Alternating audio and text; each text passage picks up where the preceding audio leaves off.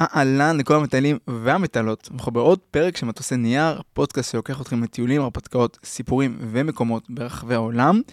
ואנחנו נמצאים היום שוב בספריית בית אריאלה, בפרק שהולך להיות בעיקר על כל התחום של גששות ושל אהבת הארץ ולחקור אותה בידיים, מה שנקרא. נמצא איתנו אורח מיוחד, טל ניב, עוד מעט נציג אותו, שהולך לקחת אותנו למסע מיוחד בעקבות האהבה שלו לתחום הגששות. זה אנחנו מתחילים.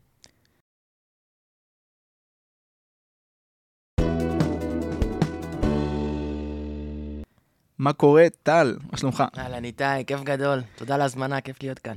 סוף סוף הצלחנו לקבוע, היה לנו כמה שביתות בדרך שפגעו לנו בתהליך, אבל אה, איזה כיף שהגעת. ממש. וואו, ישר מזיכרון, כאילו זה וואחד מרחק. כן, למרות שאתה גם ציינת את זה בפודקאסט, ארץ קטנה סך הכל, פשוט אה, במרחק מאוד קטן, אה, שינויים מאוד גדולים. זה נכון, זה נכון. היום גם ספציפית הייתי בצפון. אני חושב שהדרך הזאת מכיוון חיפה זיכרון לכיוון המרכז, זה אחת הדרכים הכי יפות בארץ. וואלה. כי יש לך מצד אחד את הרכס, של אזור זיכרון שם של הכרמל, ויש לך את הים. שילוב מדהים, באמת, כאילו שני צדדים של, ה... של הרכבת, אתה רואה דברים שונים לחלוטין. בין ההר לים. כן, בדיוק. טוב, אז רוצה להציג את עצמך שנייה בקצרה? בטח, אני אשמח. אה, אז טל, האמת, רוב העולם קורא לי טל ניב, אה, שהמשפחה שלי זה ניב, וכשהייתי קטן זה התחבר, לא ידעו להגיד מה שם פרטי במשפחה, אז אה, או טל או טל ניב. אני מתעסק בחיבור עתיק לטבע, ודרכו חיבור עמוק ללב. ממש מאמין שהדברים האלה שעשינו במשך רוב ההיסטוריה האנושית, הם ממש צרובים לנו ב-DNA, זה חלק נוירולוגי ממי שאנחנו. אמ, אז אני ממש אוהב להתעסק איתם, ואני ממש אוהב להנגיש אותם לכל מי שאני פוגש. אז גששות, שפת הציפורים, ליקוט, אש, אה, יצירת כלים אה, מאבני צור או מעץ או וכו', ועוד אה, המון דברים בעצם שעשינו במשך רוב ההיסטוריה האנושית כצעדים לקטים. אז הרבה מהעולם הזה אני מנסה לקחת לחיי גם כיום. על הדרך יוצא ככה קצת, אני מאוד אוהב להתבטא, אז אני אוהב לספר סיפורים גם, שזה גם משהו שעשינו הרבה מאוד זמן. נכון. לפני שהתחלנו לדווח uh, בנקודות מאוד מטומטטות, כמו מצגת של פאוורפוינט. או טיק טוק, שזה בכלל כאילו הכי נורא. כן, אז אני לספר סיפורים, בעיקר לספר אותם, אבל לפעמים גם לכתוב אותם, אז יצא מזה ככה גם שני ספרים ככה שיצאו לעולם. שיש לי פה את הכבוד, אה, קיבלתי ממנו ספר אה, עם הקדשה אישית. כן. אחרי שיש לי משהו טוב לקרוא, אני מתרגש מזה, את האמת. יא, אני גם. לפגוש את הסופר תמיד זה מיוחד. יא מלך, כבוד הדדי. ואיך בכלל מגיעים לתחום הזה? כי זה הרי, כמו שאמרת, מלאכות עתיקות, זה משהו שהוא נכחד מהעולם, ועכשיו אתה מחיה אותו למעשה. אז אני קטונתי מלהגיד שאני מחיה אותו, אבל אני מרגיש שאנחנו, כל מי שאנחנו עוסקים בתחום הזה, בעצם אנחנו לא מלמדים שום דבר חדש, אנחנו במקרה הטוב רוכבים על כנפי ענקים, כמו שנאמר, ואנחנו בעצם מנגישים משהו שכולנו באמת יודעים. מסתכל על ילד שמסתכל על מדורה, ילד קטן, עדיין ידלק בו איזה ניצוץ ככה של התלהבות. אני מאוד מאמין שהניצוץ הזה, כמו כל בן אדם שאוהב להסתכל על מדורה, זה טמון ברגע הראשון הזה שבן אדם הצליח לשלוט על האש. ידע שהאריה לא ינצח אותו, שהלילה לא יגביל אותו, שהקור לא ינצח אותו, שיהיה לו אוכל טעים. בעצם משתנים כללי המשחק עכשיו מרגע שהוא יכול בעצם לייצר אש בעצמו. כי בלעדיה אנחנו יצור די נחוץ סך הכל. נכון. באופן כללי, כאילו אבולוציונית אנחנו לא הכי מוצלחים, אנחנו כן. לא הכי מהירים, לא הכי חזקים, אבל יש לנו את היכולת הקבוצתית, שזה גם משהו שאנחנו יכולים ליצור שבט ולהתאחד ולעשות אה, את הדברים האלה ביחד. נכון. וגם אנחנו חכמים, חלקנו. כן, ג- גם אלה שפחות, אתה יודע, נפח מוח שלנו היה, אני חושב, 300 cc לפני שהצלחנו לאכול אוכל מעוקל ש- שבישלנו על מדורה. הוא קפץ למה שהוא כיום, אל תפסו את המספר, 1,300, 1,400 cc, לא יודע בדיוק, אבל הרבה יותר. והצלחנו לפתח את השפה רק אחרי שיכולנו לשלוט על האש, ככה מוסכם. התקופות האלה שמדברים לפני 800 אלף שנה, שבן אדם משתלט על האש, אז זה הכל השערות עד שמישהו אחר יוכיח אחרת, אבל כנראה שהשפה התפתחה אחרי האש. אה, ובאותו אופן, גם כשאתה שומע ציפור שהיא שרה, והיא עושה צליל כזה... זה מרגיע, זה נעים, זה כיף, זה מג... גם משהו קדום שאומר לך, הכל טוב, אין סכנה, וזה... גם את זה לא אנחנו המצאנו, אה? כאילו, נכון. בוב מרלי שר על זה, על שלוש סיפורים על עדן החלון. יש את יואל משה סלומון, שגם אמר על פתח תקווה, נכון? אה, עם ציפורים אינן שרות, המוות מוות פה פה. מולך. נכון. שלמה המלך, ועוד המון דוגמאות בעצם, שכולנו יודעים את זה, זה בנוי לנו ב-DNA, פשוט לא תמיד אנחנו צריכים את זה. אז איפשהו ככה המוח שלנו מכוון את עצמו למה שהוא באמת צריך היום. אבל עדיין יש פה נחשים, אז זה טוב לדעת לפי ציפורים איפה יש נחש. ו... למרות שאני בטוח שרוב האנשים היום לא, לא יודעים לקרוא את שפת הציפורים ולדעת באמת לזהות אם יש סכנה או לא. נכון, אבל אני חושב שמספיק איזה טיפה של תשומת לב, אה, ולחזק את השריר של הרגישות הסביבתית הזאת, ו... ולהתחיל להבין אה, אם יש שגרה או סכנה דרך הצ... הציפורים, זה משהו שמאוד אה, מהר אפשר להבין. זאת אומרת, עכשיו הצליל הזה של השירה, אז מאוד ברור, אני אשאל אותך, תגיד, איך זה גורם לך להרגיש, ותגיד, כנראה שזה מרגיש סבבה. ואם תשמע ציפור עושה... אתה יודע, גם אם לא תבין למה, משהו גורם לך להסתכל לשם. נכון? אז זה פשוט ההתחלה של, השריר הזה, של המודעות, לעודד אותו, ודרך זה לאט לאט אתה תפתח עוד יכולת לדעת איפה יש נץ, שועל, חתול, מאיפה יגיע בן אדם לחוץ, ואיך אני יכול להיות בן אדם יותר רגוע, שהציפורים לא יתריעו אליי. נכון.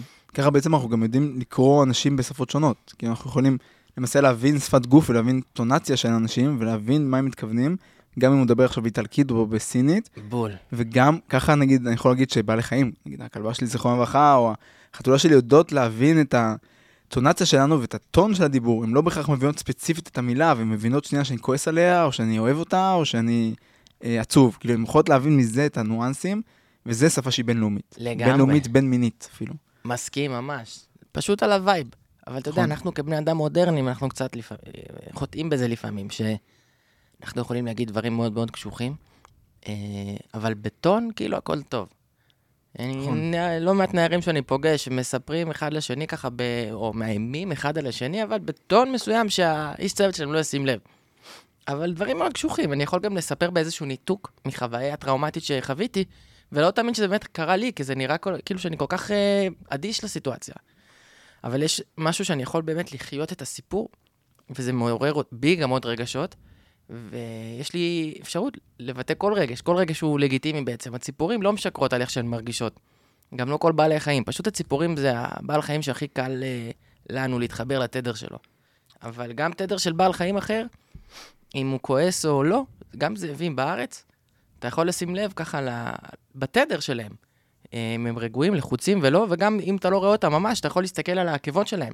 והעקבות יספרו באיזה דגם תנועה הם התקדמו כאן, הם יספרו ככה, זה יספר הרבה על איך הם הרגישו. אה, ואנחנו כבני אדם, אה, מודרניים, אני אגיד, אז מרגיש הרבה דברים אה, מונעים מאיתנו אה, לבטא לגמרי את הרגשות. ילד שאומרים לו בתור ילד קטן, היי, hey, מה אתה בוכה, מה אתה ילדה? או ילדה. אבא שלי עד היום אומר את זה. ברור, הנה, כן, זה הפער הדורי הזה. אנחנו דור פריבילג, שאתה יודע, אנחנו גברים שמותר לדבר על רגשות היום, אבל לא תמיד זה היה ככה. גם נכון. ילדות שאמרו להם, "אה, את רוצה להיות יפה, תסבלי. אבל וואלה, לא לגיטימי להביע רגש כזה, אם הוא רגש שלילי. אז גם חלוקה, מה זה חיובי או שלילי בעצם. נכון. זה באמת מביא אותי לשאלה שנייה, שהיא מאוד פילוסופית, אבל הנושא של האדם המודרני לעומת מה שגדלנו. הרי אם אנחנו מסתכלים אבולוציונית, אנחנו התפתחנו במשך אלפי שנים בשביל להיות ציידים, לקטים, לחיות בשבטים ולחיות בטבע. בשלוש מאות שנה האחרונות הייתה המהפכה התעשייתית ששינתה לחלוטין את החיים שלנו, אבל הגוף שלנו וכל המהות שלנו לא השתנתה. זאת אומרת שאנחנו חיים עכשיו בסביבה שהיא לא מותאמת לנו, זה כמו עכשיו להוציא נמר מהטבע ולשים אותו בתוך אקווריום, כאילו זה, לשים אותו בסביבה שהוא לא מותאם אליה. השאלה באמת איך זה כאילו פוגש אותנו ואיך אנחנו מצליחים בכלל להסתגל לג'ונגל המודרני הזה, הג'ונגל העירוני, לדעתך. זה, זו דוגמה נהדרת, מה שאמרת, ואני יכול לדבר רק מנקודת מבטי, כן, אבל אני קודם כל מאוד מסכים איתך, ואמרנו קודם, אנחנו נוירולוגית בנויים לזה, אנחנו נולדים לזה. גם ילד שנולד היום בישראל 2023, נולד כצעד לקט מבחינה נוירולוגית. ובגלל זה מאוד קל לנו להתחבר לתדר הזה. אז איך עושים את זה? בנגיעות קטנות. אה, לא, אני לא חושב שהעולם אה, יכול כרגע להכיל אותנו ציידים לקטים מבחינת כמות בני אדם שיש בעולם והמשאבים שיש לעולם להציע. אבל אנחנו יכול- יכולים לקחת נגיעות קטנות של העולם הזה ולהשאיר את זה בחיים שלנו היום. גם, אה, קח לדוגמה, ראיתי סרט אימה פעם, סרט ממש מפחיד, אה, social dilemma. הוא מדבר על הרשתות החברתיות, על איך שהם בעצם אה, משפיעים לנו, גורמים לנו להתמכר. וכשאתה מקבל איזושהי התראה, יש לך איזה זריקה קטנה של דופמין שנכנסת לך, גורמת לך. לרצות את זה עוד. עכשיו, אם אנחנו מבינים את הדבר הזה, זה גורם לי לרצות להיות עוד יותר על המסך, נכון? אבל זה גם בעיניי בנוי על משהו מאוד קדום. כי אני מתחבר שנייה לתחושה שיש לי כשאני עוקב אחרי צבי לצורך העניין. ויש המון צבעים בישראל, התברכנו, איזה כיף, יש את הבעל חיים הזה בשפע, גם חזירים, בעלי חיים שכאילו קל לעקוב אחריהם באורך זמן, כי הם, הפרסות שלהם משאירות פציעות אה, די משמעותיות על הקרקע. כי הן חדות, כי זה פרסה. לעומת כן. אה, כף רגל. נכון, הן חדות ויש להן משקל, והן אה, משאירות אה, סימן יותר בולט מאשר אה, גרביל, או ארנבת, או שועל. וקל לעקוב אחרי לאורך זמן, אבל גם כל גשש תמיד יאבד העקבות. אבל כשאתה מוצא את העקבה הראשונה, יש בזה משהו מרגש. זה הזריקת דופמין הראשונה, סבבה? ואז פתאום אתה, אתה גולל, גולל, גולל, גולל בדף הזה של הרשת, אבל בדף של השביל, ואתה עדיין, זה מגניב, מגניב, מגניב.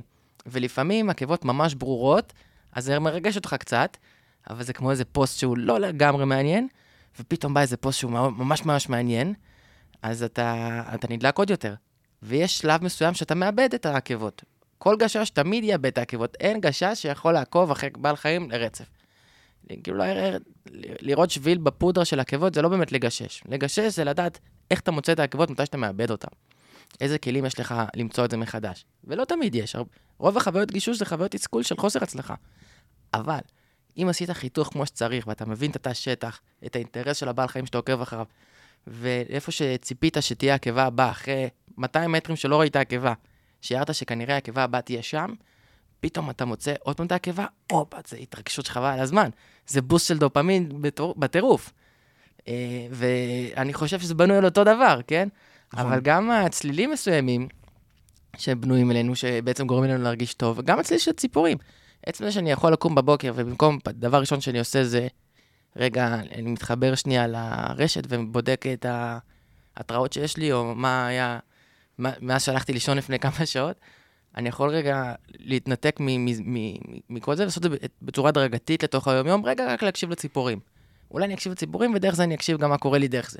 איזה רגע של הדרגה בין העולם המדהים הזה של השינה והחלומות, לבין המציאות המאוד תובענית שיש לנו היום, נכון. לעשות את ההדרגה הזאת לאט-לאט.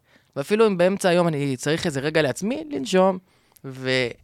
ולהקשיב ולשים לב. לאט-לאט אני גם מתחיל להבין דפוסים, זה גם ממש בונוס מגניב, שאני אשים לב לדפוסים של הציפורים, ואני אדע מתי רגועה, מתי לחוצה נכון. ו- ולמה.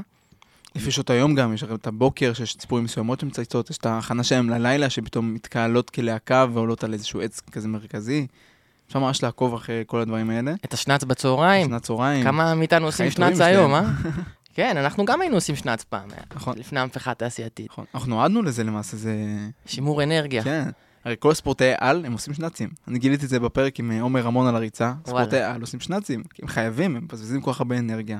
גם ציידים לקטים. בני סאן בושמנים שביקרתי ואני אבקר בקיץ הקרוב שוב, הם עושים שנץ, והם עובדים במשך שלוש, גג, ארבע שעות ביום. זה זמן שהם הולכים לעבוד, שלעבוד זה ללכת לגשש בתקווה לצוד, וגם ללקט. והם משאירים הרבה זמן, גם לשנץ, גם למשחקים, לסיפור סיפורים, בכל הגילאים, לא רק ילדים משחקים. אה, וגם הדבר הזה יכול להיות אחד מהדברים שיכול להשריש בצורה מאוד בסיסית בחיים שלנו. אני מספר סיפור, בעצם כציידים לקטים היינו חוזרים הביתה אה, למחנה, עושים דמדורה, מספרים את הסיפור של היום.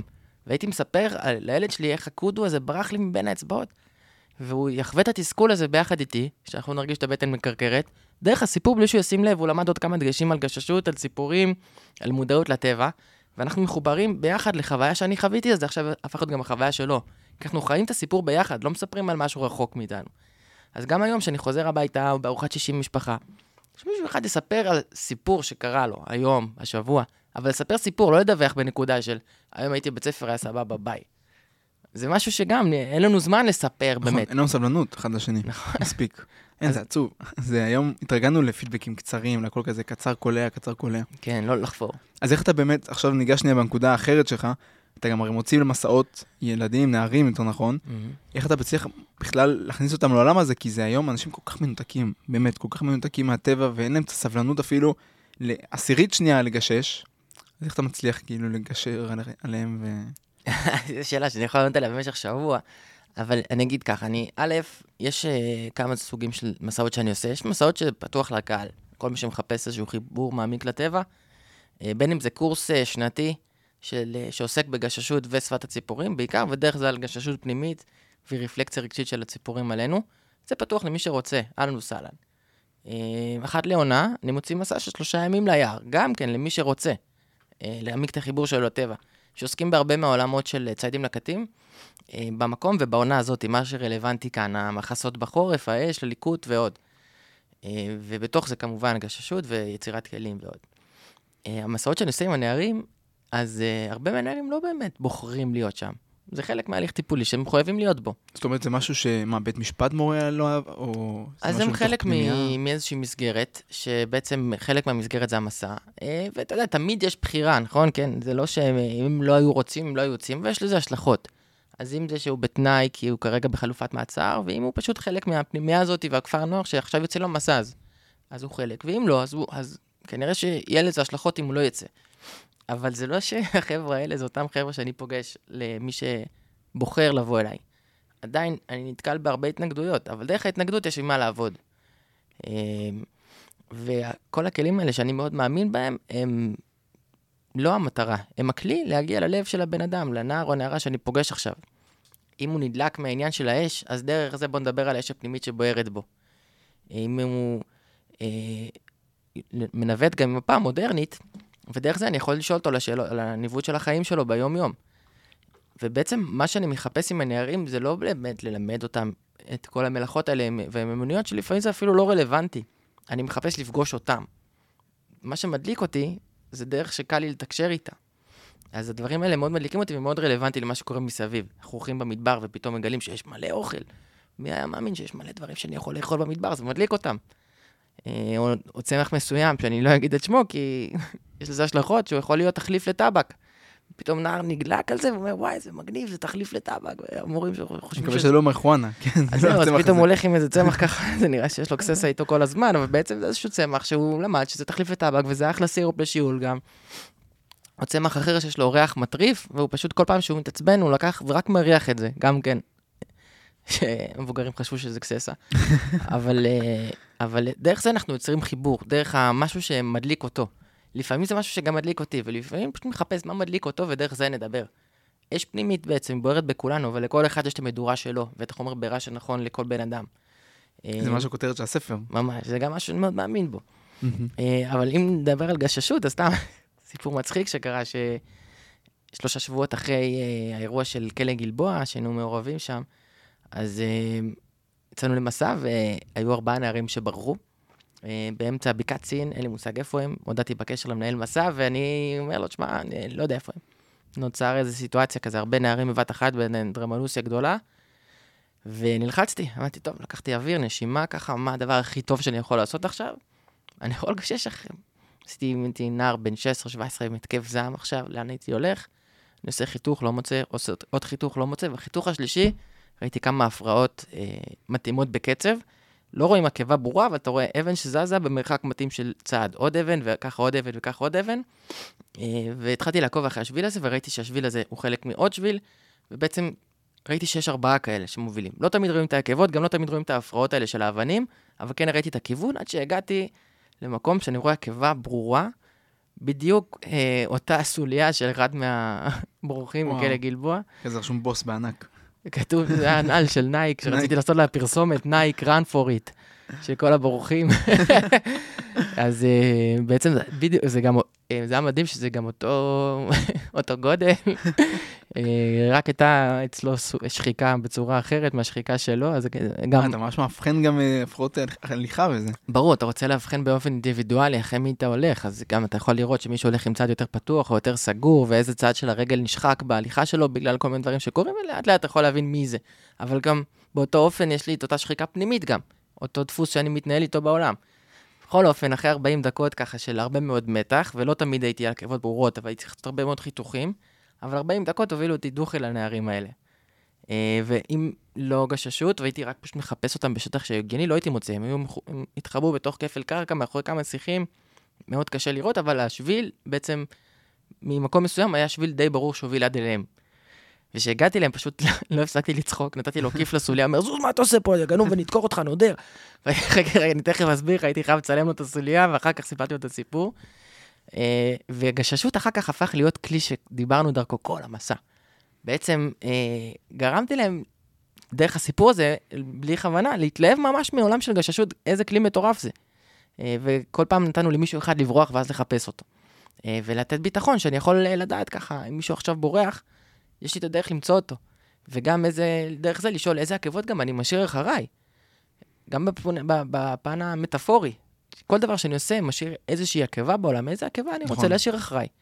וגם כבני אדם, אנחנו היחידים בעצם שהעקבות שלנו לא נמחקות עם הרוח או עם הגשם, אז איך אני יכול גם לצמצם את הטביעת רגל שלי ככה ש... את שאני- הקרבון פרינט, כן, את התביעה שלנו בעולם. ולהיות ככה יותר חלק הרמוני מהסביבה שלי. שזה ככה איך אתה חי היום למעשה? אני משתדל להיות ככה יותר במיזוג והטמעה עם הסביבה שלי. לא במיזוג אר קונדישנר. לא. כן, פחות. וואי, יפה. אז איך באמת אה, הגעת בכלל לנושא הזה של לקטות וציידות? הרי לא נולדת לתוך זה, אתה לא. בדואי. אז איך כאילו, הרי זה לא בתרבות שלך.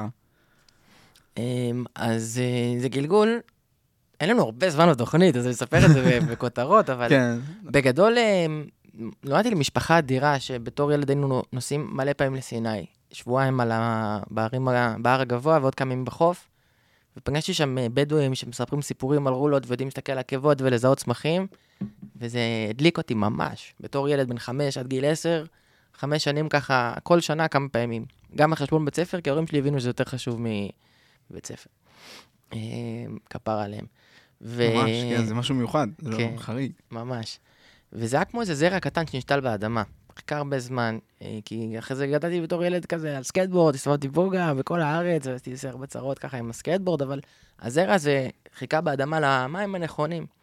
אה, כשהייתי חייל, עשיתי ביחידת סיור של הנדסה קרבית, והיינו הרבה בשטח. אני היום אקרא לזה יותר טבע מאשר שטח, אבל כשחברים שלי סבלו להיות שלושה ימים בתוך אה, שיח במובלעות של לבנון, אני עפתי על זה. לא רציתי לספר להם שאני לא אהיה יותר מדי יצור, אבל נורא נהניתי לשמוע, לראות את המחזוריות הזאת של הטבע. הדליק אותי. כשטסתי לדרום אמריקה אחרי הצבא, אז uh, כמובן שעשיתי הרבה, כאילו רוב הזמן ישנתי בחוץ, עשיתי המון טרקים, אבל בתוך זה הייתה לי חוויה של חודש וחצי בג'ונגלים, uh, ופגשתי שם חבר'ה עם חיבור מאוד עמוק לטבע, שהזכיר לי את הבדואים בתור ילד. אז הזרע הזה קיבל קצת מים בצבא, ובטיול אחרי הצבא בכלל הוא פתאום הוציא אפילו נבטים קטנים והתחיל לתפוס פוטוסינתזה. סתם חושב על החבר'ה שפגשתי בג'ונגלים, לעומת הסיפור שהיה ממש עכשיו בקולומביה, עם ארבעה ילדים ששרדו 40 יום, מה זה שרדו? כנראה. וואו, נכון. יודעים לשגשג בג'ונגל, כי זה הבית שלהם. אז החיבור הזה ש... שהיה אצלם הדליק אותי נורא. חזרתי לארץ, התחלתי ללוות, אה, ידעתי שאני רוצה להתעסק עם זה איכשהו, עם טבע, ו... ואז קראתי לזה מדריך טיולים, לא ידעתי בדיוק להגיד מה שאני יודע היום. אבל אמרתי את זה למשפחה שלי, ואמרו לי, תגיד, אתה גנוב? כמה סמים עשית בדרום אמריקה? מה יש לך? זה פטריה אכלת? איך תפרנס משפחה? תחשוב על העתיד שלך, בואנה. עשו לי התערבות, כמו של נרקומני. התחלתי ללוות טיולים ומסעות בתור אה, חובש מאבטח, וזכיתי ללוות מסע של עמותה שנקראת דרך לוטן. אה, שם אני עובד עד היום. עמותה מדהימה שעוברים, מעבירים מסעות הישרדות טיפוליים במדבר לנערים בסיכון. השם לוטן סלבין. דרך אגב, אה, אני חייב לעשות פה, אה, הנחה קטנה. יש לי את בן סלבין, שראיינתי אותו כמה פרקים פה, והוא למעשה בן דוד של אה, מה אתה אומר? אותם. כן, וואלה. כן. אז הוא גם היה בפרק על נמיביה, וגם יש עוד שני פרקים על ניו זילנד שעוד לא יצאו. הוא היה איתי בטיול בנפאל. מה אתה אומר? כן. וואי, גדול. כי אמרת, שמעתי אותך אומר את זה פעם, סלבין, ואז בדקתי איתו, כי אמרתי, כמה כבר סלבין יש בארץ? אז- והוא גם מהערבה? לא, הוא לא מערבה. הוא, הוא גדל? הוא מאילת, אז קרוב. Mm, כן, מדהים. מסור לו דש. נמסור, נמסור. אז האמת שכל משפחת לוין המצומצמת של אותן, אז אני ממש אוהב, אני פוגש אותם הרבה, אני זוכה לפגוש אותם הרבה לאורך השנה. והמסעות האלה, בעצם אמרתי, וואי, שראיתי את החבר'ה עם החיבור המאוד עמוק לטבע, שדרכו יוצרים חיבור עמוק ללבבות של נערים ונערות שהרבה מהחברה שלנו ויתרו עליהם, אז הרגשתי שזה מה שעושה לעשות עם חיי, והתחלתי לנתב את הנהר הזה לכיוון הזה. אז הזרע הקטן שקיבל כבר נבטים הוציא גבעול קטן, והתחלתי לבנות את עצמי כדי אה, להרגיש ראוי במשך שנתיים וחצי עם דרך אה, קורס מורה דרך, ועשיתי תואר בלימוד ארץ ישראל, ו- ועוד ועוד ועוד, חוגי סיירות ועוד, עד שהרגשתי מוכן. תוך כדי הזמן הזה גם היה צוק איתן במילואים, אבל זה, מין, זה גם איזה אבן דרך כזאת שהפכה להיות משמעותית במסע הזה. יש לך פוסט טראומה הרי משם, לא? זוכר את זה. כן. אה, כן, שמע, זה מסע הספר גם אה, מתעסק בזה. כן, תראה, כאילו, פוסט-טראומה זה מין אה, צמד מילים למשהו, מה זה רחב? נכון. יש לנו תרבות טראומטית, בעצם ילד שנולד לעולם בישראל היום, הוא נולד עם טראומה מסוימת. ובעצם אה, הוא מתחיל לסחוב עוד ועוד אבנים על הגב, שאירועים צבאיים זה חלק מהאבנים, אולי יש אבן אחת מאוד משמעותית, היא מתווספת לעוד הרבה אבנים שאספת כל החיים. אה, ויש סימפטומים ברורים שמראים ככה איך המוח עובד היום, שמביא את העבר להווה, ואנחנו מנוהלים על ידי הדפוסים האלו. אז אה, בעצם יש אה, את, איך שהמגדלה עובדת, ובעצם אה, המוח שלנו עובד לפי חיווט לא מבוסת, אבל גם תסתכל על דפוסי כשרות של ילד מגיל אה, 0 עד גיל 3, שלא קיבל מספיק אהבה מאימא שלו, יש לזה השפעות על איך הוא יתנהל היום כבן אדם בוגר. נכון. אז אנחנו בעצם תרבות טראומטית. ובעצם צוק איתן, תוך כדי המסע הזה, הפך להיות משהו מאוד מאוד משמעותי, כי אני היום מרגיש כמה שהטבע בשבילי זה, זה תרופה, זה, זה ריפוי, אני לא לוקח תרופות אה, פיזיות. אבל הוויטמין T, זה הוויטמין טבע שלי, זה באמת תרופה שאני בעצם צורך באופן יומיומי. אה, וזהו, ואז תוך כדי, בדרך לוטן, רציתי, שהתקבלתי, רציתי להעמיק עוד ועוד כלים כדי לח- לייצר חיבורים לנערים ולנערות, וזכיתי לעשות קורס בארגון שנקרא בני אדמה, והוא ארגון שמקשר בין אדם לטבע דרך העולם הזה של פעם. בעצם לקחת את החוכמה של האנשים העתיקים שהיינו, ולהטמיע אותה בחיים שלנו היום, וזה הפך לי את החיים, אני חשבתי שאני רוצה פשוט לקבל עוד כלים, לצאת איתם למסעות, אבל לא האמנתי כמה כלים אני אקבל בשביל עצמי. אה, וזה הפך להיות פשוט כלי טיפולי עבורי. אה, ועל הדרך, פתאום כל מי שאני פוגש, אז אנחנו אף פעם לא יוצאים רק לגשש אחרי חיות, אנחנו גם מגששים אחרי מה קורה לי בפנים. אה, וזה הולך יד ביד. אה, אז בעצם הדבר הזה הוא אינסופי. אין מישהו שהוא גשש, אין מישהו שהוא... מיכה חנונה הוא, ה... הוא המורה הגדול שלי, הוא גם חבר טוב, אנחנו טסים ביחד גם לנמיביה. אה, והוא באמת גשש על. אבל הוא אומר, אין דבר כזה גשש, לצורך העניין. אה, זה כמו משחת שיניים. אתה יודע, אתה... אין משחת שיניים שנגמרת, יש מישהו שהפסיק לנסות. אתה יכול תמיד למשוך עוד קצת מפה, עוד קצת משם. באותו אופן, כל העולם הזה הוא אינסופי, זה ידע שלא נגמר. תמיד אתה יכול להעמיק עוד בכל אחד מהתחומים האלה, אה, כי... כי הוא אינסופי. זה לא משהו שאתה מתחיל ועכשיו אני, זהו, אני גשש. אני יודע עוד כמה דברים על העולם הזה, אבל זה, זה לא נגמר שם. זה היופי בזה. זה היופי בתחומים האלה, שאתה יכול תמיד להעמיק עוד וללמוד עוד. אבל איך באמת, איך מתחילים? מה עקרונות בסיס לגששות? אז, אה, אז א', לדעת שאתה נוירולוגית בנוי לזה, ולש, ולסמוך על זה. דבר נוסף, אני ממש ממליץ ככה על, קורסים שונים, שאתה יכול לפגוש אנשים שמתעסקים בזה כל החיים.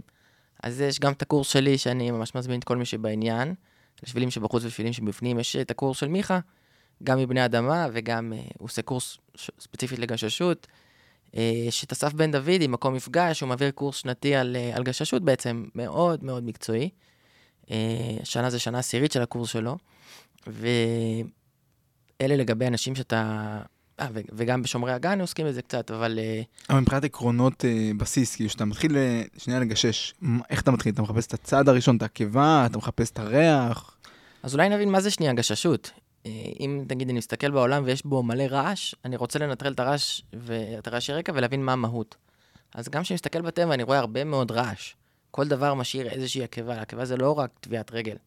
עקבה זה גם השיח הזה שעכשיו העלה שעף ברוח, הגירוד על הענף הזה, אה, וזה מושפע מכל דבר, זה מושפע ממזג אוויר, משעות של היום, מרוח, מאנשים שעברו, אנשים שעברו על, אה, לחות שהייתה בקרקע, ועוד תא השטח עצמו, איזה קרקע יש לי. אה, ובעצם כל דבר זה, זה יכול להיות איזה פתח לתעלומה. אני יכול עכשיו גם לגשש בכל מקום, כי בכל מקום אני יכול לבוא ולהסתכל על מה קורה כאן, מה קרה, איזה עובדות אני יכול אה, בעצם לקשר לסיפור שיש מולי. הייתה פה מדורה, ואני יכול לשאול כמה אנשים לדעתי ישבו פה, איך אני יכול לזהות את זה? איך אני יכול לראות, אה, אני יכול לספור כמה סוליות של נעליים אני שם לב, אם אני רואה אה, איזושהי לחיצות באדמה שמראים לי על מקומות שאנשים ישבו, אה, אולי סימנים של כוסות, כמה כוסות היו, אה, ועוד ועוד דברים שאני יכול לשאול שאלות. השאלות הן הרבה יותר חשובות מתשובות, אבל עצם שאני שואל שאלות, אז יש לי פתח לחקור. אה, ולאט לאט אני יכול להתחיל אה, לנטרל את הרעש הזה ולהבין שנייה מה זה עקבה בכלל, איך נראית עקבה ואיך נראית עקבה של צבי, אבל כדי לדעת איך נראית עקבה של צבי, זה לא מספיק שנצייר את הזוג פרסות הזה שנראה כמו לב, אני צריך לראות אותו במיליון אה, תנאי שטח שונים. איך שהעקבה של הצבי תראה בחול, היא תראה שונה על הפודרה, ותראה שונה אה, בשחיקה על סלע, ותראה שונה על עשב. גם העשב הזה לאורך השנה, מתי שיש קיץ או מתי שיש חורף, השבירה של העשב תראה אחרת. ואחרי מספיק פעמים שעקבתי אחרי צבי ואני רואה את העקבות שלו במיליון ורסיות שונות, אז אני קצת יותר מטמיע את זה בראש שלי. אבל זה אולי נשמע כזה מין מדע בדיוני, רק חשוב להגיד שגששות זה לא מדע בדיוני, זה משהו שכל אחד יכול לעשות, זה פשוט דרך להסתכל על הפרטים הקטנים. ולאט לאט, דרך הפרטים הקטנים, להבין את התמונה הגדולה. הפרטים הקטנים מספרים לי המון. ואני יכול, אה, כבן אדם, נוח לנו להסתכל על דפוסים. אז יש דפוסים מסוימים של הקיבה, שאני יכול להגיד, לדוגמה, הקיבה של אה, יונק, ויש לו כרית, ויש לו ארבע אצבעות, אה, ואז אני יכול להבין באיזה צורה הן מסודרות. אז קל לי לשים את התבנית הזאת על הקיבה של כלביים. כלב, שועל, טען, זאב, יש להם איזה סידור מסוים שהכרית היא משולשת, ובין האצבעות הקיצוניות אתה יכול למתוח קו באמצע ואני לא אגע בכרית, זה איקס כזה. זה תבנית על כל הכלביים. אבל יש הבדל עצום בין הקיבה של זאב לקיבה של טען, לשועל, לכלב, אבל זה דרך התבוננות בפרטים הקטנים. אז זאת אומרת שיש גם הבדל משמעותי בין עקבות של חתוליים לעומת עקבות של, של כלביים, אם אתה משווה? בטח, נגיד, כן. נמר לזאב או... בטח, הרבה הבדלים. אני יכול למנות חלק מהם, אבל דרך, אולי דרך זה, לדעתך אני יכול להסתכל על הפרטים הקטנים. אז נגיד הקיבה של אה, זאב, תסתכל על הכרית המשולשת, לעומת הנמר שהיא לא, וגם היחס, שתי האצבעות המרכזיות מול הכרית, הן באותו קנה מידה של הכרית עצמה. אצל נמר, האצבעות מסודרות בצורה של קשת, אז נגיד אי אפשר לעשות את ה-X הזה שתיארנו על כל הכלביים. הכרית ביחס תהיה יותר גדולה מהאצבעות הקדמיות. אמ, כי הוא הולך יותר אה, שקט, אז בגלל זה יש לו כרית יותר גדולה, כדי שהוא יכול לדרוך ביותר כן. יקוט. גם הציפורניים, הוא יכול אה, לבחור מתי לשלוף אותם ומתי נכון. לא, לעומת הכלביים שהם תמיד. בחוץ, וגם הציפורניים עצמם שהם ישלפו, הם יהיו יותר חדות. אמ, והמגרעת בתחתית של הכרית, ועוד ועוד דברים שאני יכול גם לשים את זה בדפוסים, נגיד אני אסתכל על המגרעת בתחתית של החתוליים, נראה, יש שתי מגרעות ככה, ואולי בתבנית של בן אדם זה יראה לי כמו אף כזה, נכון? אף, יש לו את שתי הנחיריים ליד, נכון. אז ככה אולי נראית אה, הכרית והחלק התחתית של הכרית של חתולי. אה, ודרך זה אני יכול לשאול עוד שאלות. נגיד, גם ההבדל בין קרקל לנמר לחתול ביצות, איפה הסידור של אצבעות, איפה היא הולכת, איזה אצבע אחת מובילה, מה המרחק שלהם מהקצה של הכרית, ועוד ועוד מאפיינים קטנים. אבל איך בכלל מוצאים את העקבה הראשונה? כי הרי בארץ הדברים שעכשיו מנית הם נדירים. אתה לא רואה אותם בקלות, אתה תראה לא הרבה כשכלבים... אף פעם לא ראית עקבה של נמר? בארץ, נראה לך. סתם, סתם. בקושי חתול אני רואה. כן, אז, אז, אז חשוב להגיד שוב, זה לא מדע בדיוני, מה שכולנו יכולים לראות, פשוט להתחיל לחפש, ולראות שיש בו הרבה מאוד הפרעות. וכשעצם זה, דיברנו על דברים אולי מאוד ספציפיים ומפחידים, אבל אם אני אכמת את זה רגע, שאני הולך בתא שטח שהוא בהתחלה יותר קל, לצורך העניין, חול. חול בהתחלה יותר קל לי לראות דברים. אה, או עוד מעט לקראת הסתיו, אז בכל מקום הפודרה שיש לנו בשטח תשאיר עקבות. אה, אז עצם זה שאני שם לב שיש הפרעה, מה זה הפרעה? בעצם אם הטבע הוא רגיל, יש לו את הסטנדרט שלו, את השגרה, ויש משהו שמפר אותו. אז זה גם מבחינה אקוסטית, אבל רגע נלך לוויזואלי, לגששות, אז מה שמפר אותו זה מישהו שדרך עכשיו ופצע את הקרקע, אה, ואני אראה שיש פה איזה בור קטן עם סדקים ליד, אה, ואני רואה שיש שם הפרעה. ואז אני מתקרב ואני אראה שאתה יודע מה, איפה שאני רואה את הבורות זה באמת באיזשהו רצף, מרחק של איזה 30 סנטימטר בין בור לבור, זה מתאים לצה"ל. אני אפילו לא, לא אראה עדיין את העקבה, אני עוד רחוק משם. אבל אני אתקרב ואני אראה את המרחק שהוא פחות או יותר מתאים בין, בין בור לבור, בין צד לצד. ואז אני מתקרב עוד, אני רואה גם שהבור עצמו, הקרקע שנפצעה שם, היא בצבע קצת שונה, קצת יותר כהה מהסביבה שלה. כלומר, היא, יותר, היא עדיין טריה. עדיין זו עקבה יחסית חדשה. ואז אני אתקרב עוד, ואני אראה באמת צורה. מסוימת, ואני אתחיל לחלק את זה גם, רגע, יש פה פרסה, או כרית ואצבעות, או יש פה אצבעות של ציפור, אה, מה הגודל, אני יכול למדוד, שנייה, גם את העקבה עצמה, וגם את האורך צד, ועוד ועוד דברים שבעצם אני יכול לשאול עוד ועוד שאלות, לנטרל שנייה את כל הרעש ולהבין מה המהות בתוך מה שאני רואה. אבל עצמי שאני עכשיו מסתכל רגע בשטח, במבט בוהה, לא ממוקד. מבט בוהה כזה, אני תמיד, בתור אנשים, אנשים מודרניים, אנחנו עם מבט תמיד ממוקד למשהו אחד. המורה בבית ספר שמבקש להסתכל עליה, תינוק שיש לו אוניברסיטה. ועוד, גם אני ואתה עכשיו מסתכלים אחד על השני. אבל אם נכון. אני יכול לנטרל את הדבר הזה ולבהות כאילו בסביבה ולקלוט יותר ממה שיש מולי, לא רק דבר אחד ממוגד, לא רק שיח, אלא את הכל, פתאום אני אראה דברים שהם יוצאי דופן. שפה בדיוק נכנס העניין של הפרעת ADHD, mm. שיש לי שנייה איזושהי תיאוריה עליה, שאני חושב שבמהות שלנו, ההפרעה של ADHD היא נועדה כדי לשמש את אותם צעדים. כי הרי אתה צריך להיות היפראקטיבי כדי שתוכל לרוץ ולהיות אקטיבי נורא בשטח, והפרעת קשב הזאת מאפשרת לך להיות נורא ערני ומודע לסביבה שלך. אתה לא מתמקד, כמו שאמרת עכשיו, במשהו אחד, אתה רואה את הכל. אתה רואה את השיח הזה זז, ואתה רואה את השמיים אה, עם הרוח, ואתה שומע את הציוץ של הסיפורים, הכל במקביל. לעומת זאת, האנשים האחרים שאין להם את ההפרעה הזאת, הם יותר לקטים, כי הם יודעים להתפקס שנייה, להיות ממוקדים על משימה אחת פשוטה, ולבצע אותה בצורה חוזרנית. כן, נכון. מסכים, ממש. אה, ואני אגיד אפילו עוד על זה, אני, אני אוסיף ש... דיברנו קודם על פוסט-טראומה, זה PTSD, אז אה, אחד מה, מהתופעות לוואי זה באמת הגברה של ההפרעות קשב וריכוז, או הפתעות קצב וריקוד.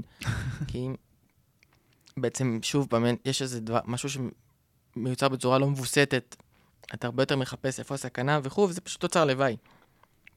אז אני נגיד מסתובב ביער, ואני הרבה יותר בתשומת לב על כל צליל הכי דק, שנשמע אפילו ככה. סי, סי.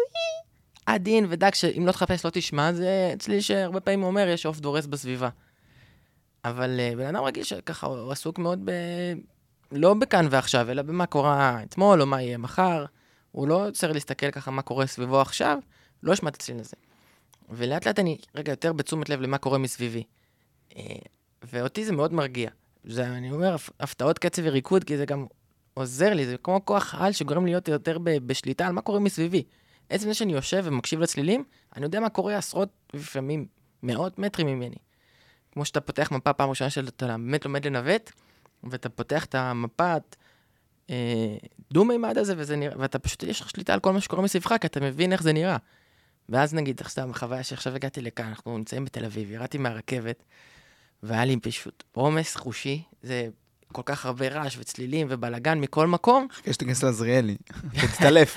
לא, אני לא בטוח אם נגיע לשם, אני עוד לא מוכן, אבל, אבל אני אגיד שככה, זו דוגמה שבאמת הרגשתי בשנייה אחת איך חסר לי אוויר, ואני, ואני מותש, יש לזה מחיר. נכון, ממש. אני ממש מותש, ואז אני חושב על כמה אנחנו באמת מבוסתים, כי יש לנו עכשיו, נגיד, אם אני בתור צייד לקט, מסתובב בטבע, והמוח שלי מתוכנת לקבל אי אלו דברים מהסביבה, ופתאום יש לי כל כך הרבה מסרים.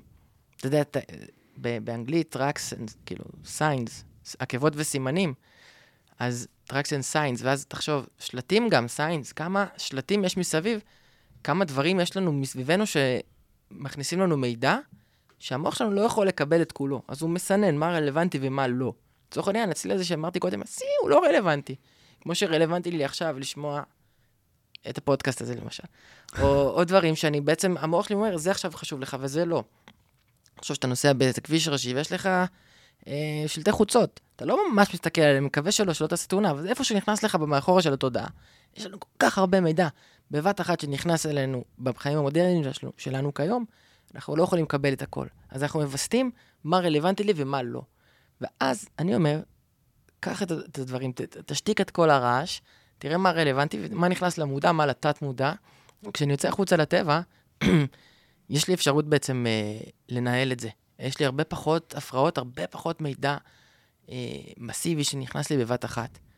אה, ועוד זה, עוד לפני שדיברתי על מה קורה עם הניידים, שבכלל... אה, זה אלוהים שישמור, כן. באמת, זה... אז אני לא אומר מה, מה טוב או, או רע, אני רק אומר, יש לכל דבר מחיר, ואז אם נכון. יש לי עודף של מידע שהמוח שלי אה, יכול לקבל, אז יש הרבה מידע שבעצם אני צריך לשאול את עצמי, האם הדבר הזה רלוונטי לי או לא, כי הוא נכנס, הוא תופס מקום, ורק לדעת שיש לזה מחיר. נכון, כמו כל, לא- כמו כל דבר. אם לא הטלפונים הניידים, אני ואתה לא נפגשים גם, אני לא אומר נכון, שזה רע. נכון, הכל בזכות האינסטגרם. נכון, צריך איזון פשוט, לדעת כזה מה, איך אני מנהל את זה, וזה לא, שזה לא ינהל אותי. זה ממש פרדוקס, כי אתה כאילו לא יכול בלי זה, ואתה לא יכול עם זה, זה מאוד מאוד קשה, כי זה כאילו נורא מקצין הרבה מאוד דברים אצלנו, כאילו אנחנו הרבה יותר עם אה, חרדה, והרבה יותר עם פחד שנייה של אה, מה יחשבו על הפוסט הזה או האחר, או על אה, איך אנחנו נראים בעיני אחרים, כי אנחנו גם הרבה יותר חשופים ככה. אבל מצד שני, אנחנו גם, כמו שאמרת, זה הדופמין שלנו, זה מה שנותן לנו את החיות. כאילו, אם אנחנו לא ניכנס לדבר הזה בבוקר, אנחנו כאילו, לא יהיה לנו את האנרגיה הזאת. כן, מי שסיפר את זה, שזה כמו שפעם היית הולך ושומע איזה רעש בשיחים, ואתה אומר, אה, יש שם נמר. ועכשיו זה כזה, אתה נכנס לרשת ואתה אומר, אה, עשו עליי שיימינג בפייסבוק. אני לא יודע מה יותר מסוכן. כן. זה נכון, זה נכון, וזה באמת מעלה לי שנייה עכשיו את הנושא השני ש... שרציתי שנדבר עליו, שזה נושא של מלאכות עתיקות, שגם uh, הבאת פה uh, כל מיני אובייקטים, mm. uh, שזה גם משהו שהוא מאוד מאוד uh, חריג, כי היום אנשים כבר לא מתעסקים בדברים האלה, בוא נגיד זה ככה, כבר לא, לא משמרים את אותן מלאכות, וזה, וזה באסה. זה באסה, וזה... איך אתה בכלל הגעת מלכתחילה להתחיל אותם ולחדש אותם, ומי בכלל למדת אותם הרי, כי זה עתיק. כן. אז... אז, אז א', שוב, גם את זה למדתי בקורס של אה, בני אדמה עם מיכה חנונה. אה, כל יום של מלאכות התחלתי את דרכי שמה, יש איזה גרעין ככה ממש מיוחד בישראל ששומר על הגחלת, ודרכו פתאום להיות בתשומת לב שיש הרבה אנשים מסביב לעולם ששומרים על האורח חיים הזה. מה זה לא אורח חיים הזה? נוגעים במלאכות ושומרים על הידע הזה קיים עוד בעולם. אז uh, יש שני כנסים, שני פסטיבלים, התכנסויות נקרא להם, שקורים לאורך השנה, שעוסקים בזה, אחד של אבני דרך ושבע אבנים, שבעצם נפגשים לשבוע ומתעסקים בהרבה מאוד דברים. גם אני זוכה ללמד שם גם כל שנה, אה, וזה כיף גדול. אה, בני אדמה ושומרי הגן זה שני ארגונים שבעצם מעבירים את הידע הזה דרך קורס מרוכז. ו... וגם פה, כמו הגששות, שזה אחד מהנושאים שם, אז גם אה, הבאתי פה כלי צור לצורך העניין שהכנתי, וזה כף שגילפתי. קצת מתבייש באיך שנראית עכשיו, שלא לא ניקיתי אותה וכאלה, אבל... אני חושב שזה בכוונה כדי לתת לה מראה אותנטי, אבל... אבל אה, אתה יודע, הנה, יש פה לצורך העניין שני כלי צור שהכנתי, שאחד, זה בעצם שחזור של, אה, של אוצי, זה בחור מלפני 5,300 שנה שנקבר ב... באיטליה, ב-4,000 מטר גובה, בשלג, קרח בעצם, והיה מצב שימור מטריף, יש מוזיאון על שמו, והוא נקבר ונמצא עם הרבה מאוד דברים עליו. קשת שהוא גילף, ומחצלת שהייתה עליו בתור מעיל, נעליים מאור שהוא איבד, ועוד, וגם סכין. הסכין של לוצי. אז אני עשיתי שחזור, עשינו שחזור גם כן עם כוח עבור מבני אדמה, אז באחד המפגשים של הקהילה עשינו שחזור של הסכין. ואתה יודע, להחזיק אבן, לתת לה מכה מסוימת, ולחשוב שלפני 5,300 שנה בן אדם חשב באותו אופן, כמו על הקובייה ההונגרית הזאתי, איפה ניתן את המכה שתיצור את הלהב הזה, ולעצב אותה בצורה הזאתי. אתה נכנס לראש הזה של פעם, זה, מ... זה מרגש. ברמה נכון. שאתה יודע, עצרנו רגע, מה, נעשה קפה? לא יודע. מה אוצי היה עושה עכשיו? כן, כן, יאללה, בוא נריץ קפה. או במסע במדבר, שמצאתי אבן אה, כמעט, כמעט מושלמת, אה, ו... וראיתי שיש עליה שכבת פטינה מאוד עתיקה, לא ידעתי עדיין לתארך, ושאלתי כמה חבר'ה מביני עניין, פרה-היסטוריונים שתיארכו את זה שלושתם ל-200 אלף שנה. אה. בקירוב. שכבה של מה אבל? פטינה זה בעצם איזשהו שיזוף שיש על האבן. כשאתה נותן להם מכה לאבן צור, יש איזה גל של אנרגיה שנכנס פנימה, והוא פשוט, אם, אם אתה עושה את זה בצורה טובה, אז יוצאת חתיכה אה, מהאבן, ואתה יכול לראות ככה את הגלי אנרגיה האלו אה, ש, שיוצאים. בעצם כמו רכסים כאלו. אה, אז ראיתי אבן כמעט מושלמת, וחסר, יש לה בליטה אחת, זאת אומרת, זה כבר מישהו הכין את המכה. הכין את המכה, ואתה רק תיתן עוד מכה אחת.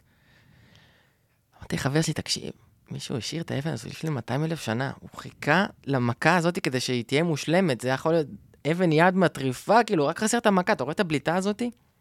אז מיטלי, אתה לא, תקשיב, אתה לא יכול לעשות את זה. תשאיר את זה, זה, מה קרה לך? זה מלפני 200 אלף שנה. אל תהרוג, גם תשאיר את זה ככה, אל תיקח את זה איתך. אמרתי לו, תשמע, אחי, אני מבין אותך, אבל אני, אני חייב, זה חזק ממני. תשמע, אני לא אגיד לך מה לעשות, זה נראה לי לא סבבה. ואני מסכים איתו. אז זה, זה אבן, זה לא איזה מאובן או... נכון, אבל עדיין, יש בזה, זה משהו, חוקרי עתיקו, תשמע, כל ארכיאולוג פרהיסטוריון שעכשיו שומע, כנראה מקלל אותי, ואולי בצדק. אבל אני חשבתי רגע שהדבר הזה חיכה 200 אלף שנה, ואני עכשיו סוגר את המעגל. אותו.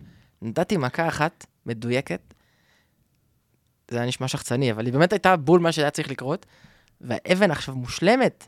וואו. ואתה יכול לראות עליה את, ה, את הגל אנרגיה. זה זאתי שפה? אז זה לא, זה לא אותה לא אחת, זה, זה מאותה שכבה צלע אבל, מאותו, מאותו מקום. אמ, ובעצם אתה יכול לראות עליה אה, גל אנרגיה הרבה גלי אנרגיה שבעצם קיבלו 200 אלף שנה שיזוף של השמש, ומקום אחד שהוא עדיין מבריק, זה המכה החדשה, אבל האבן עצמה, אם תחפש אה, איך נראית אבן יד, mm-hmm. אז נראית בול ככה, איך שיש אצלי אה, ב... שמה, למעשה, מה משמש הסכין הזאת או האתר הזה? זה, אה, מה שאתה רואה כאן זה פדיון, זה דגר, פדיון. אז האמת שהרבה דברים, הוא משמש גם לסכין, גם לחיתוך, גם לדקירה, גם לדאווין. יש הרבה דברים שאתה יכול לעשות את זה עם גרזן מסוים, אבל זה לפעמים היה גם, ש... אני, אנחנו משערים שזה הרבה פעמים היה סטטוס מעמד. תראה איזה אבן יפה הכנתי. Mm-hmm. כמו עקרון ההכבדה הזה, שופוני. תראה איזה מוכשר אני, או תראי איזה מוכשר אני, ותחפש את הבעלי צאצאים, כדאי שזה יהיה מישהו מוכשר כמוני. כמה זמן עבודה זה באמת לכזה, לכזה פגיון? כזה פגיון? אה, תשמע, אני יכול להגיד, נגיד, סתם, יש לי את הראש חץ עליי. על- מהמם. גם זה הכנתי. רוץ ש- שאתה הכנת? כן, זה אני הכנתי. מאיזה אבן זה? זה אבן מאובסידיאן. אין מהמם. אותה בארץ, אבל זה היה סיבוב שהיה לי בגואטמלה לאחרונה, מהמם. גם סיפור. אבל כמה זמן נראה לך לוקח דבר כזה? כמה שעות? חמש שעות? שש שעות? השאלה איך, זה כאילו כלים מודרניים או... אתה עושה את זה בטח בכלים הרי עתיקים. עשיתי את זה עם אה, חלק עם אבן וחלק עם קרן של אייל. זה לקח לי האבן הזאת, מה אתה אומר עליה, סבבה? יפה, אתה. יודע שזה מתאים לך. כפרה עליך. אז זה לקח. אה, חצי שעה, אבל בח- בחמש שנים. חצי שעה וחמש שנים? כן, כלומר? אחרי חמש שנים שאני כל יום מסטט באבן צור, אז דבר כזה לוקח חצי שעה. וואו. והפדיון הזה לקח יומיים. יומיים, כי צריך להיות ממש מדויק, משפשף ולהכין את המכה כמו שצריך. שזה משהו מגניב שאנחנו גם היום, בתרבות, אנחנו רוצים עכשיו מוצר. תן לי עכשיו תוצאות, נכון. קדימה, תלהיב אותי. תרבות אה, אינסטנט, אינסטגרם. ויש משהו גם במלאכה העתיקה שמחייבת אותך לתהליך ארוך וסבלני. עכשיו גם, אתה יודע, עשינו איזה שחזור עם קרסים בכנרת של אה, אה, בחור פרה-היסטוריון שמצא שם קרסים מאבני צור ומעצמות של כבשים. אה, ולפני 14,000 שנה הכנו קרסים גם מעצמות וגם מצור, וניסינו לדוג. וצריכנו לדוג חמישה מושטים כאלה. יפה. הייתם המ- צריכים לעשות תחרות בין זה לבין קרס אה, מודרני. האמת, כן, היינו צריכים לעשות תחרות, אבל אתה יודע, עצם זה שאנחנו, אתה- עומד ודג, זה גם חתיכת דבר, שאין לנו הרבה סבלנות אליו היום. עזוב להכין את הכלים, שזה גם לקח עוד uh, יום שלם להכין את הקרסים עצמן. עצמם. יום שלם להכין, אבל עוד יום שלם שאתה רק עומד ודג. אין לנו את הסבלנות נכון. לעשות את הדברים בסוף האלה. אתה אוכל את זה בחמש דקות. זה הבעיה. ממש, כמה אתה מעריך את זה. ואני חושב שהמלאכות עתיקות, יש בהן משהו שגם מחייב אותך לאיזה משהו יותר רגוע, סבלני ומעמיק, לעומת משהו שאני רוצה עכשיו תוצר סופי, וקדימה, תן לי חמש דקות, וזהו, נגמרה לי התלהבות, תעליבו אותי בדבר הבא. נכון, מסכים לגמרי. אני באמת חייב לשאול, איך הכניסו אותך לרכבת עם הפיגיון הזה? לא סרקו לך את התיק ופתאום ראו, זה קטע מגניב, אתה יודע, זה לא עובר ב... זה לא עובר בשיעור. מקווה שלא פתחו- יפתחו לי פה ובדרך חזרה אני לא צריך לעבור, אבל בגלל שזה אבן, אז זה אבן. איך עכשיו אני חושב על זה, איך מחבלים עוד לא חשבו על זה שהם יכולים לעשות ככה כל מיני פיגיונות ולעלות עם זה למטוס, כי זה אבן, לא רואים את זה בשיקוף. כן, ביום שמחבלים, אני חושב, שב, אני, יש לי איזו אמונה קטנה, שביום שמחבלים יתחילו להכין כלי צור, הם יפסיקו להיות מחבלים. הם, אה, קצת של אדם וטבע. כן, קצת יותר הרמוניה עם כולם. נכון, לגמרי. אז אינשאללה, שנכין יותר אה, כלי צור, ראשי חץ ופחות אה, כדורים ממלחמות. אמן, אמן. אתה באמת משתמש בדברים האלה כל יום? בדברים האלה שאתה מכין? כ- ככלים בבית? אז אה, יש ויש. או שיש לך איקאה? אה, לא, אין לי איקאה, אתה יודע, אין לי, לא יודע מתי פעם אחרונה קניתי דברים, אז כאילו, יש איזה שימוש חוזר, מה שזה, מישהו אחד זורק זבל, אז זה אוצר לאחר. אה, כל הבית שמרועט מזה, דרך אגב. לגמרי, וזה מדהים, סחטיין עליך, זה באמת עיקרון מאוד חשוב ככה ב... וזה לא באמת זבל, כאילו יש פה הרבה דברים, יש לי מיטה מושלמת מאיקאה, כאילו, אבל זרקו אותה, לא יודע כמה, השתמשו בחצי שנה אולי. כן, יש הרבה דברים שזרקו ועוברים שיפוץ קטן וזה הופך להיות חדש, ולגמרי, זה גם משהו מדהים בצמצום הטביעת רגל האנושית שלנו בעולם. אה, יש דברים שאני מאוד אוהב אה, להשתמש בהם ביום-יום, יש לי כמה סכיני צור, שזה כיף לחתוך איתם. וואי, מגניב. יש לי את הכף הזאתי, ויש לי קערה מעץ, ויש לי כוסות שהכנתי מחרס, מאדמה מקומית מחוץ לבית שלי, שעברו גם תהליך מאוד ארוך של להפיק את החמר ולתת לו להתייבש, ואז שריפה מאוד אינטנסיבית, בצורה מאוד מדויקת, שתגרום לכלי להתגבש לידי חרס ולא להתפוצץ גם. נכון. איך אתה בכלל לומד את זה? אתה פשוט מחפש בגוגל אה, איך להכין חמר או... אז אה, הנה, זה גם, תראה, אני עושה הרבה פרסומות לבני אדמה, אבל אה, גם שם? אנחנו עושים, בעצם הקורס השנתי של בני אדמה עוסק בכל העולם הזה של פעם. אז יש מפגש כל שלושה שבועות בערך, שהוא, כל מפגש במשך יומיים או שלושה עוסק בנושא אחד לפחות או שניים. אה, ואז אתה, בעצם, זה לא שאתה עושה את המפגש וזהו, אתה מומחה לתחום. נפתחת לך איזושהי דלת לעולם, ועכשיו אחריותך או בחירתך כמה אתה רוצה להיכנס לעומק לחדר הזה. לחדר מהמם. הזה שנקרא כדרות קדומה, לחדר שנקרא גששות, ליקוד, שפת הציפורים, מחסות, אש, אה, גילוף, קשתות וחצים, מלכודות, אה, הסוואה, התגנבות. הכל ממש. כל הבסיס של האדם הקדמון.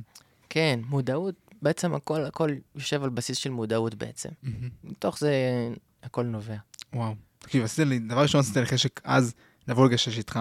זה א' כל, כי באמת זה משהו שהוא מאוד מעניין. כאילו, לראות שנייה איך אתה חוקר את הטבע, כי אני רואה את זה ביום-יום שלי, איך אני עושה כאילו כל מיני חושבים, נגיד, אה, מחפש איזה מישהו, אז אני רואה בדיוק את ה... לא יודע, את השער נסגר, אם מישהו בדיוק עבר שם, ואז כאילו אני שומע את הצעדים מרחוק. אז זה גם בקטע הזה. וגם אה, באמת שאפו ענק, אני ממש מעריך אנשים ש... אתה יודע, הולכים אחרי הלב שלהם, ואחרי גם הדברים שאולי זה לא הרציונלי ביותר, אבל זה כן מה שהם אוהבים, ואפילו מחדשים פה דברים שהם, אה, שהם הבסיס לאנושות, למעשה, כל אותם מלאכות עתיקות. יא מלך, תודה. זה באמת גם אה, עניינת אותי בטירוף, וגם הבאת לי פה ספר עם הקדשה, אז בכלל אני מתרגש מזה. חביבי. ווואי, אחי, היה מעולה. באמת, אה, תודה. וואי, זהו, נגמר, אה? כן, אנחנו 50 דקות. אתה רוצה להגיד איזה כמה דברים לסיום? א', אה, ממש אשמח שנצא לגשש ביחד. אה, אמן. מתי שתגיד, אה, כיף גדול, מוזמן, אני כמעט כל יום בחיי עושה את זה, אז מתי שבא לך. ותודה, ממש תודה על ההזמנה ותודה על הפתח של העולם הזה שאתה מביא, וזה כיף. תודה גם לכל מי שהקשיב עד עכשיו. איפה אפשר למצוא אותך, אם רוצים לגשש או לקנות את הספר? אז או- יש אתר שנקרא חיבור עתיק, שם מופיע כל המידע, יש פייסבוק של אה, טל ניב, חיבור עתיק, אינסטגרם אה, וכו'. אה, לפעמים לוקח לי רגע לענות להודעות, אבל תהיו איתי סבלניים, אני אענה על כולם. הוא פשוט במסע. כן, זה זה הברכה וקללה שלי בחיים, שאני הרבה פעמים פשוט לא זמין לשבוע, כי אני נמצא במסע. אה, אז כן, אז אני ממש מזמין את מי שבעניין גם אה, להדליק את האש הפנימית שלו. לא דיברנו הרבה על הספר, אבל אני, אגיד עליו איזה מילה, שספר שמספר על אה, שני סיפורים שרצים אחד ליד השני עד שנפגשים לאותו סיפור, שאחד זה מסע הישרדות טיפולי במדבר עם נערים בסיכון, שני זה צוק איתן, חוויות לחימה מעזה. אה, ואש טובה או אש הרסנית, יש את שתי הקצוות של הלהבה בשני הסיפורים, עד שנפגשים לאותו סיפור. זה אש פנימית. אז uh, הוא נמצא עכשיו בהנחה לשבוע הספר, אבל אם uh, תשלחו הודעה שהגעתם לזה דרך הפודקאסט, קבלו הנחה גם אחרי שבוע הספר. Um, כן, יש את הקורס שאני ממש אשמח שתצטרפו, קורס שנתי של גששות ושפת הציפורים, ודרך זה להסתכל. על העקבות שלנו פנימה, וגם על הרפלקס הרגשית שהטבע מאפשר לנו לראות. Uh, ממש אשמח לראות אתכם. Uh, ומי ייתן, וכל דבר שאנחנו עושים משאיר איזושהי עקבה אחרינו, אז הלוואי שנשאיר רק עקבות טובות, ונשמור על האש הפנימית שלנו תמיד בוערת. נכון, אמן. וגם נדע לקחת את הצעדים הנכונים וליצור את העקבות האלה. לגמרי, ברור. אחי, יא מלך, תודה רבה. תודה לך, יאללה, איתי, נראה אותך בפרקים. הבאים. בדוק, ביי, אחי. חביבי.